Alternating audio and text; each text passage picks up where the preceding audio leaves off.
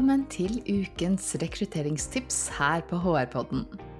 Dette er podkastepisoder for deg som jobber med nyansettelser, enten du har en HR-rolle, jobber som leder eller har rekruttering som ditt fagfelt. Korte podkastepisoder for fagtips i farten.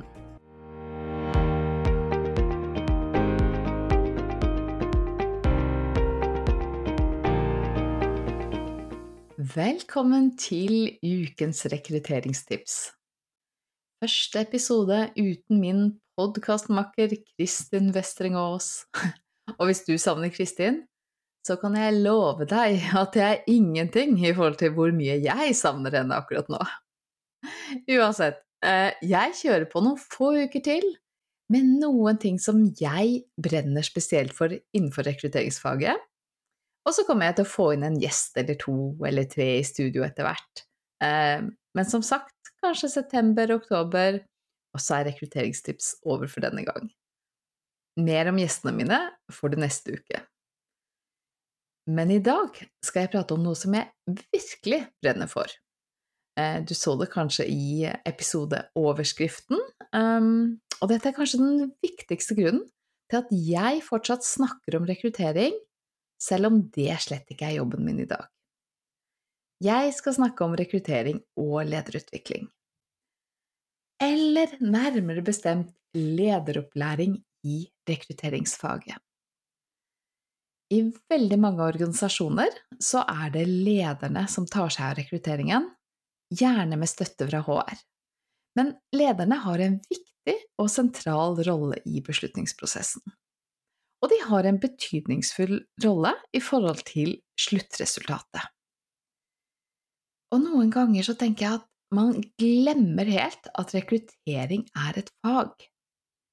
Det er et fag med en rekke fallgruver og potensielle feil, eh, og det tror jeg at jeg og Kristin har fått fram rimelig greit i tidligere episoder.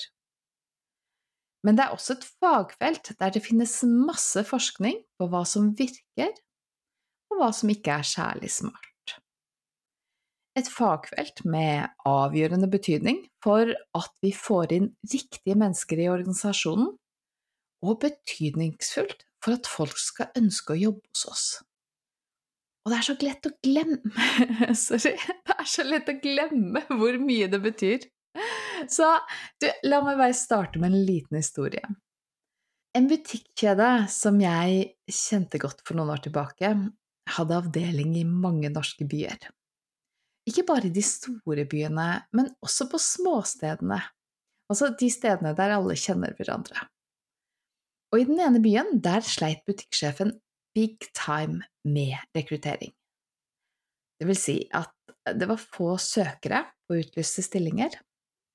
Det var relativt dårlig kvalitet på søkerne, eh, og det var dessverre også rimelig høy turnover.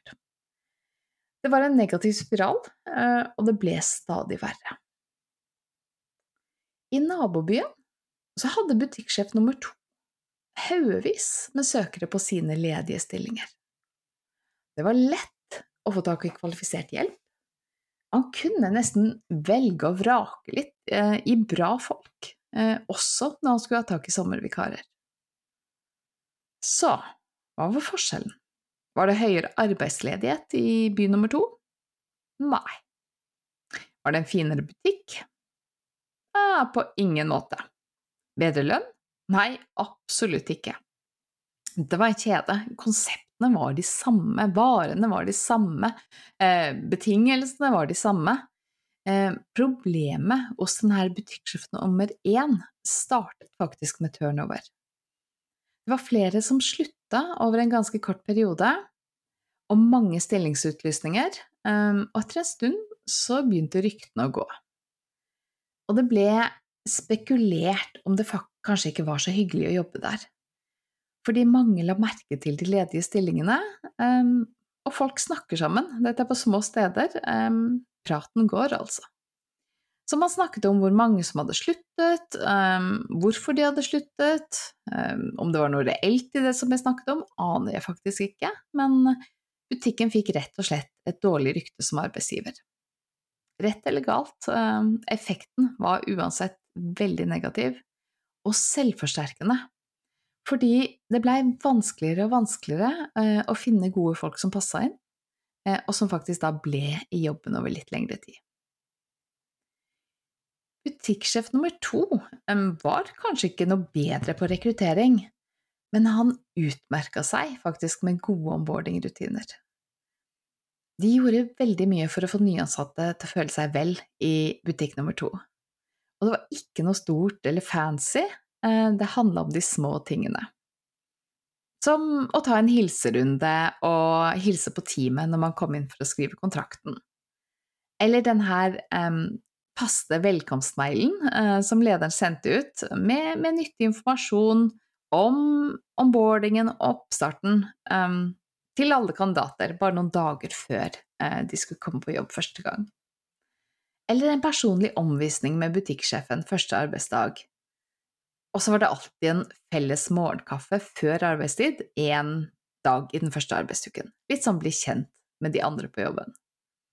Disse her små tingene bare det som gjør at noen føler seg ekstra velkommen, verdsatt, viktige. Jeg tenker at en god rekrutteringsopplæring, det starter med employer branding-arbeidet. Hva er det som gjør at noen har lyst til å jobbe hos deg? Hvordan påvirker leder og teamet arbeidsgiverattraktivitet? Både for de som jobber der i dag, eh, og for potensielt nye ansatte. Og hvis du jobber på HR, eller du jobber med rekruttering, så, så er kanskje dette ganske selvfølgelig for deg. Du vet hvor viktig det er, men noen ganger, fordi det er så selvfølgelig, så glemmer vi å kommunisere godt om det. Det kalles curse of knowledge. Vi tror at alle andre vet det som vi vet. Så pass på at dere har den dialogen med lederne, og at de også forstår, ikke minst eh, ikke bare hva employer branding er, men hvordan vi påvirker selskapets employer brand. Både i hverdagen, eh, gjennom ledelse, gjennom kulturen vi bygger, og gjennom rekrutteringsprosessen. Så bare det å forstå hvor mye det betyr for vårt omdømme å ta godt vare på alle kandidater, er helt essensielt. Og da snakker jeg både om stjernekandidatene og om de som ikke kvalifiserer for jobben. Alle skal føle seg godt ivaretatt, fordi det teller. Det betyr noe. Eh, ikke nødvendigvis akkurat her og nå, men for ditt rykte som arbeidsgiver også betyr det noe for fremtidige rekrutteringsprosesser. Som i eksempelet med butikk 1 og butikk 2. Så jeg tenker at dette, det må alle ledere vite om og tenke på i alle steg av prosessen. Og så må vi snakke om hva det innebærer i praksis, hva det betyr for din atferd i intervjusituasjonen, før intervjuet, etter intervjuet. Sånne enkle, små ting som at alle kandidater skal få en tilbakemelding innen rimelig tid og på en ordentlig måte. Og det har vi snakka om tidligere, annet i episode 61 om ghosting. Men det er noe med å sørge for at denne informasjonen når ut ikke bare til deg som jobber med rekruttering, men til alle som er involvert eh, i deres virksomhet. Og så er det noe med at employer branding og arbeidsgiverattraktivitet, ja, men det er bare starten. Og for all del, det å tiltrekke seg et tilstrekkelig antall godt kvalifiserte kandidater, ja, det er en viktig del av jobben. Men jeg tror at de største tabbene, de skjer som oftest i neste fase i seleksjonsprosessen. Vi trenger en god rekrutteringsopplæring bare for å unngå at vi har ledere som tar snarveier, som hopper over referanser, som tar beslutninger på magefølelsen, eller noen av alle disse andre feilene, og fallgruvene, som jeg og Kristin snakket om i tidligere episoder. Vi trenger kompetanse om rekrutteringsfaget for å forstå hvordan vi skal unngå å gjøre feil. Så det, det, dette starter med å anerkjenne at uh, rekruttering er et fag. Uh, det fortsetter med at du som rekrutteringsansvarlig eller HR-ansvarlig i en virksomhet må passe på at dere beskriver prosedyrer og rutiner. Hvordan gjør vi dette her hos oss? Og når du har på plass disse rutinene, det kan være maler, det kan være sjekklister, eh, det kan være intervjuguider for utvalgte stillinger hos dere, så må du lære lederne opp i hvordan bruke disse verktøyene. Og eh, jeg bruker en del tid på å lære bort hvordan når jeg holder rekrutteringskurs, men jeg tenker at mange ganger så er hvorfor Jeg skulle til å si vel så viktig, men hvorfor er i hvert fall like viktig. Og hvorfor det?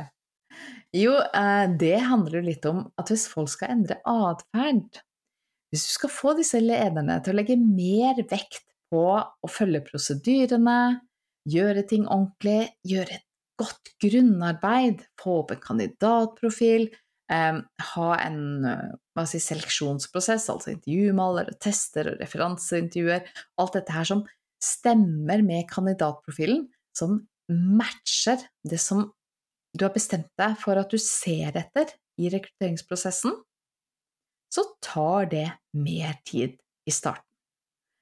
Det føles litt mer omstendelig. Eh, for lederen så vil dette være kjennes ut som litt ekstra jobb, og da trenger vi motivasjon for å gjøre det. Og hvordan skaffer vi den motivasjonen? Jo, da eh, får vi de til å se litt av disse feilene og fallgruvene, og snakke om hva som vanligvis går feil. Og kanskje vi kan minne dem litt på sist de selv gjorde en feil, altså få opp noen eksempler på rekrutteringstabber de har gjort. Vi kan gjøre den lille regneøvelsen som vi snakket om i episode nummer én av Rekrutteringstips. Altså regne ut hva koster det å rekruttere feil i din del av organisasjonen. Og vi kan minne litt om hvor mye merarbeid og ressurser og hvor krevende det faktisk er å være leder når dette har gått gærent. Eller kanskje vi kan bruke storytelling som eh, element. Snakke om den kandidaten som vi tok inn, brukte masse tid og energi på å velge ut rett kandidat, opplæringen, en god onboarding-prosess, og så forsvinner vedkommende etter bare fem måneder. Vi har sikkert alle en sånn historie. Der vi kanskje ikke var flinke nok til å kommunisere godt om stillingen i forkant, eh, kanskje rollen ikke matchet forventningene, osv. Så, så det å få lederne til å se hvor utrolig viktig det er, det er kanskje um, fundamentet i selve opplæringen. Så må vi lære opp i prosessene og hvordan gjøre det, og så må vi trene. Det holder jo ikke å lære det i teorien, det er når vi begynner å gjøre det, at vi virkelig får grep om hvordan vi ja, f.eks. da gjør intervjuteknikk på en god måte.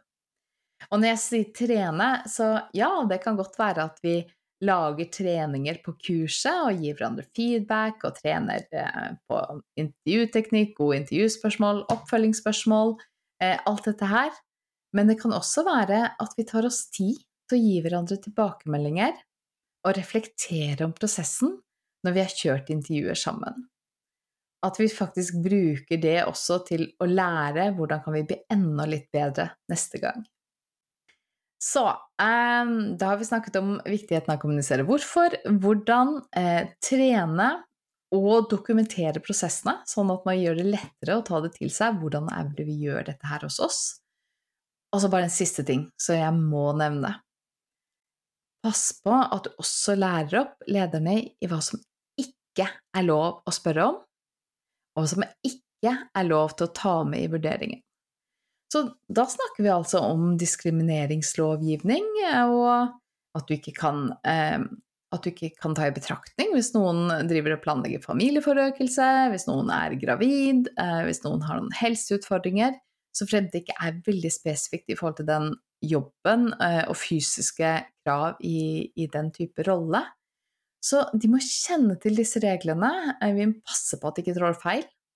Og de må kunne noe om personvern, GDPR, altså hvordan tar vi vare på disse papirene hvis du faktisk printer ut papirer til intervjuet? Altså dette med at det må makuleres, eh, dette med at hvis du har sendt en mail til noen med en CV, altså må den slettes igjen. Så oppfordrer de rett og slett til å bruke rekrutteringssystemet, for der har vi gode sletterutiner, og der sikrer vi at vi følger gjeldende personvernlovgivning. Men alt dette her må vi kommunisere. Vi må fortelle det til lederne i organisasjonen.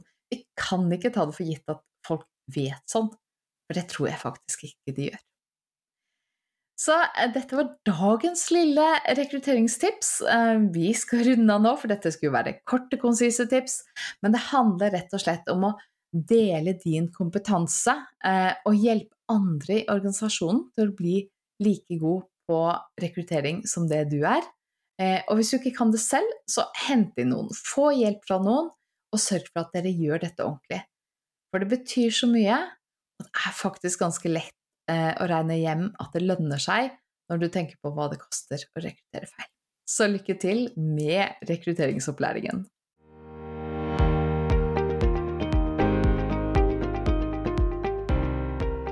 Synes du dette var nyttig? Serien med rekrutteringstips på HR-podden den startet i mai 2023, og vi nærmer oss nå slutten. Bare noen få uker igjen. Pass på at du også får med deg tidligere episoder spilt inn sammen med min podkastmakker Kristin Vestreng Aas. Og husk at HR-podden kommer ut med en ny og spennende episode hver onsdag. Vi høres!